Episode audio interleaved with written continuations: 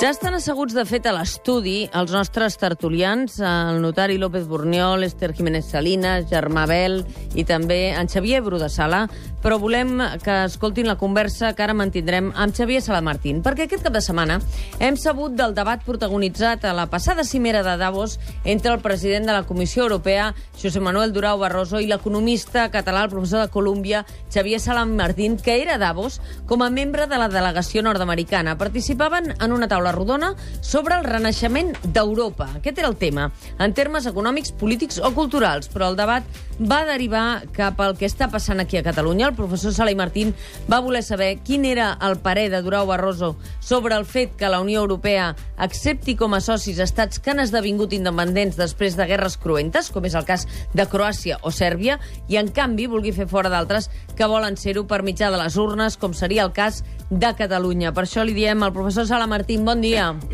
Hola, molt bon dia. Expliqui'ns, com va anar la reunió amb el president de la Comissió Europea, aquesta discussió? La pot posar en context, si us plau? A veure, eh, això d'entrada, jo, això va passar el dia 23, és a dir, el, el, el, mentre passava això era quan estava tot Catalunya pendent de la dimissió del Sant de Rossell, perquè es feu una idea, i, i el, diguem, jo no tenia cap mena d'intenció de parlar de la sessió ni, i des de llavors veieu que jo no havia dit res, però ahir el Mundo eh, se'n va fer ressò i va explicar una mica per sobre com havia anat i com que no havia explicat exactament la veritat, vaig decidir clarificar una cosa que en principi no havia d'haver sortit a la llum pública. Uh, la idea és que uh, la sessió de, que es feia era una sessió, sessió d'unes 200 persones on es parlava del renaixement d'Europa i el primer en agafar la paraula va ser el Durau Barroso i ens va explicar el bé que anava Europa, que era cada cop més democràtica, cada cop més lliure i cada cop més grossa. I en particular va lluar la incorporació de països com Croàcia i la futura incorporació de Sèrbia, i potser també en el futur a Ucraïna, que tenen tots aquests problemes.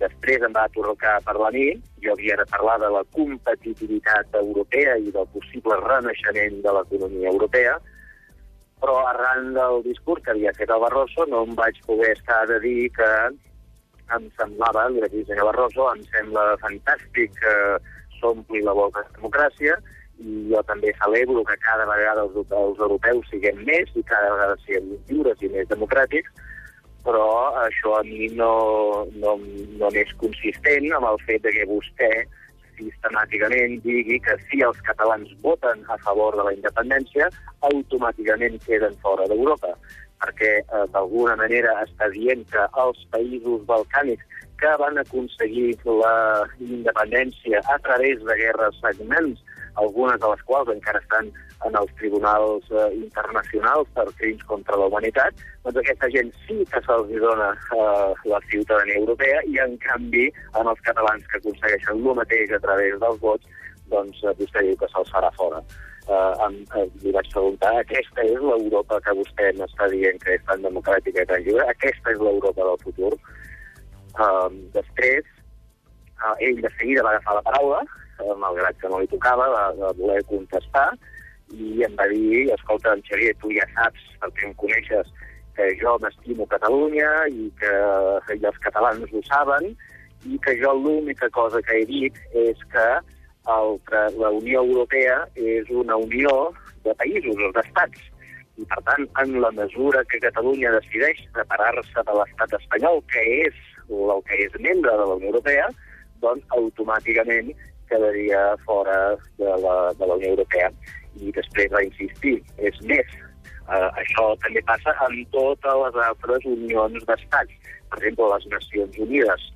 Uh, I la, la, la meva resposta a això va ser, uh, primera, senyor Barroso, el, els tractats, diguem, no són com a les taules de, dels manaments de la llei de Déu, que estan escrits en pedra, sinó que es poden canviar, i segona, des, darrere de tots aquests estats hi ha ciutadans, eh? i en particular hi ha 7 milions de ciutadans que ara mateix tenen un passaport granate que a la primera pàgina posa eh, Unió Europea. Per tant, són ciutadans europeus.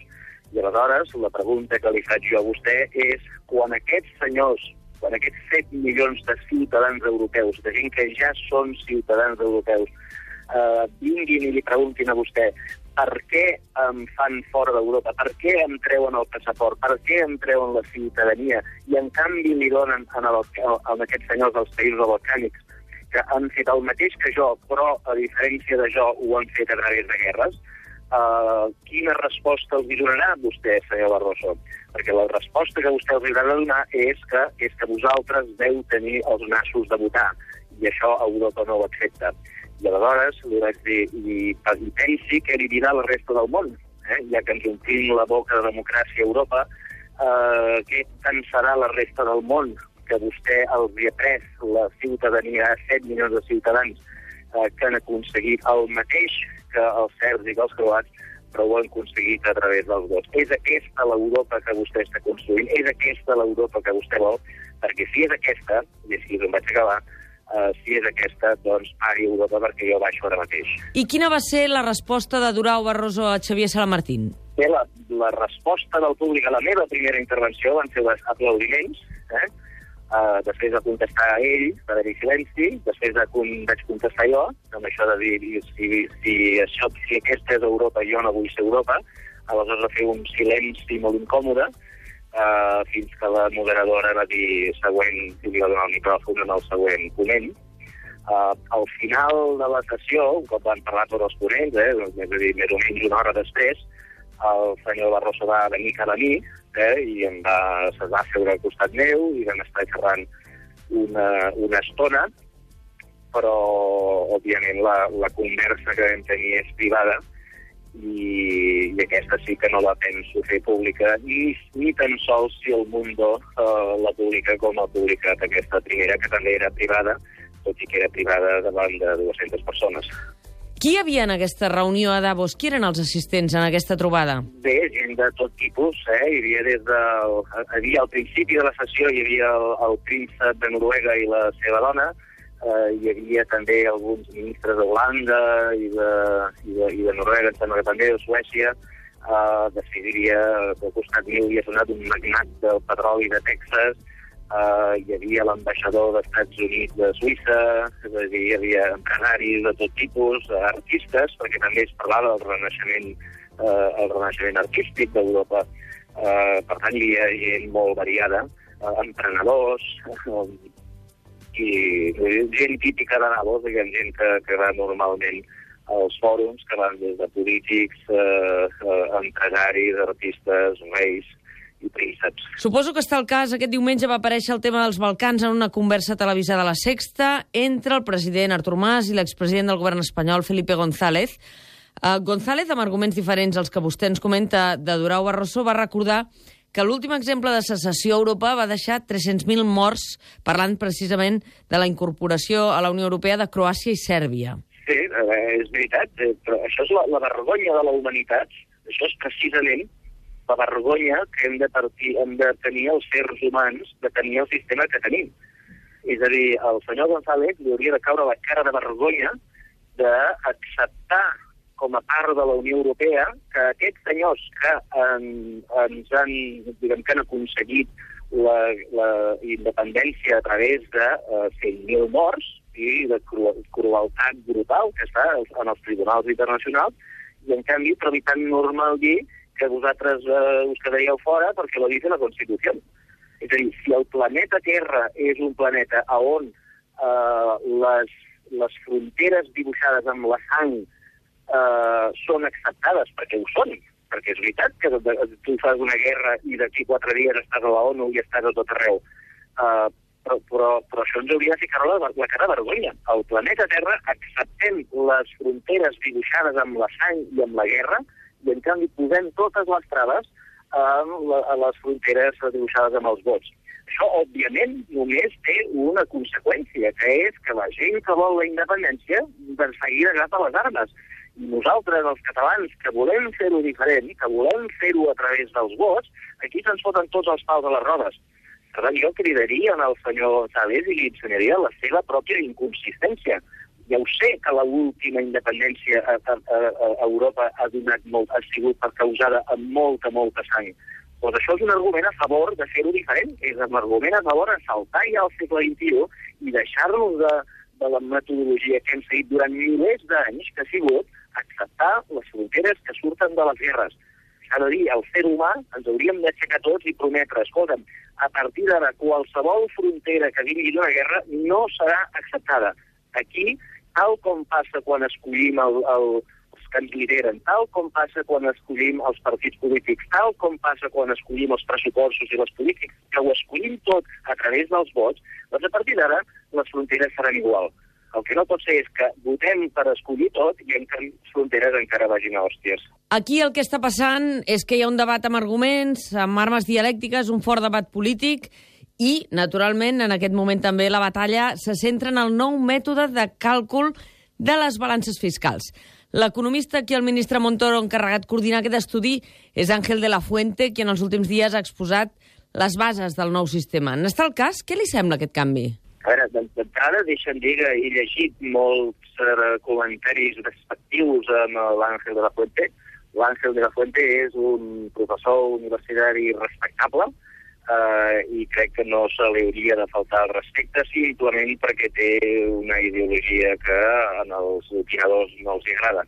Per tant, eh, diguem, vull defensar l'Àngel de la Puente com a professor, com a acadèmic, eh, i, i diguem, eh, sense cap mena de dubte, aquest senyor té el dret a fer els estudis que li doni la gana.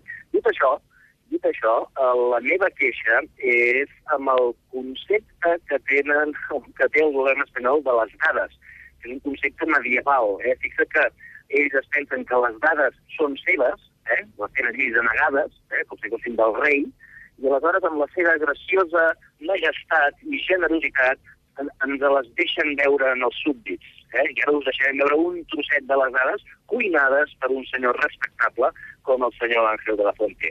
Uh, això, de, això ja es veu que és una cosa medieval, això ja es veu que aquí hi ha alguna cosa que no rutlla, uh, que, que diguem, el mètode que fa servir tot el món, el mètode que hem fet servir sempre, de sobte no ens l'ensenyaran i no ens donaran les dades perquè ho puguem calcular simplement ens donaran les dades ja precuinades pel senyor de la Fuente. Uh, I a mi això em sembla esperpèntic. Eh? Uh, en qualsevol país democràtic avançat del món, les dades aquestes estarien a la pàgina web i jo les podria deixar, eh, o la de Pelusia, que estan a la vostra tertúlia, doncs la podria deixar, calcular el dèficit de la manera que li doni la gana i donar el número que li doni la gana. Eh? Aquí el debat científic, el debat acadèmic està en això, eh, que ens donguin les dades i nosaltres ja calcularem el que vulguem calcular i ho farem com ho fa tot el món i ho farà tal com hem fet fins ara el fet de que vulguin amagar, ho vulguin camuflar i ens vulguin dir què és el que ens interessa veure i què és el que no ens interessa veure, només ens confirma de que aquest país no és seriós. Professor Salem Martín, moltes gràcies. Que tingui un bon dia. El matí de Catalunya Ràdio, amb Mònica Terribas.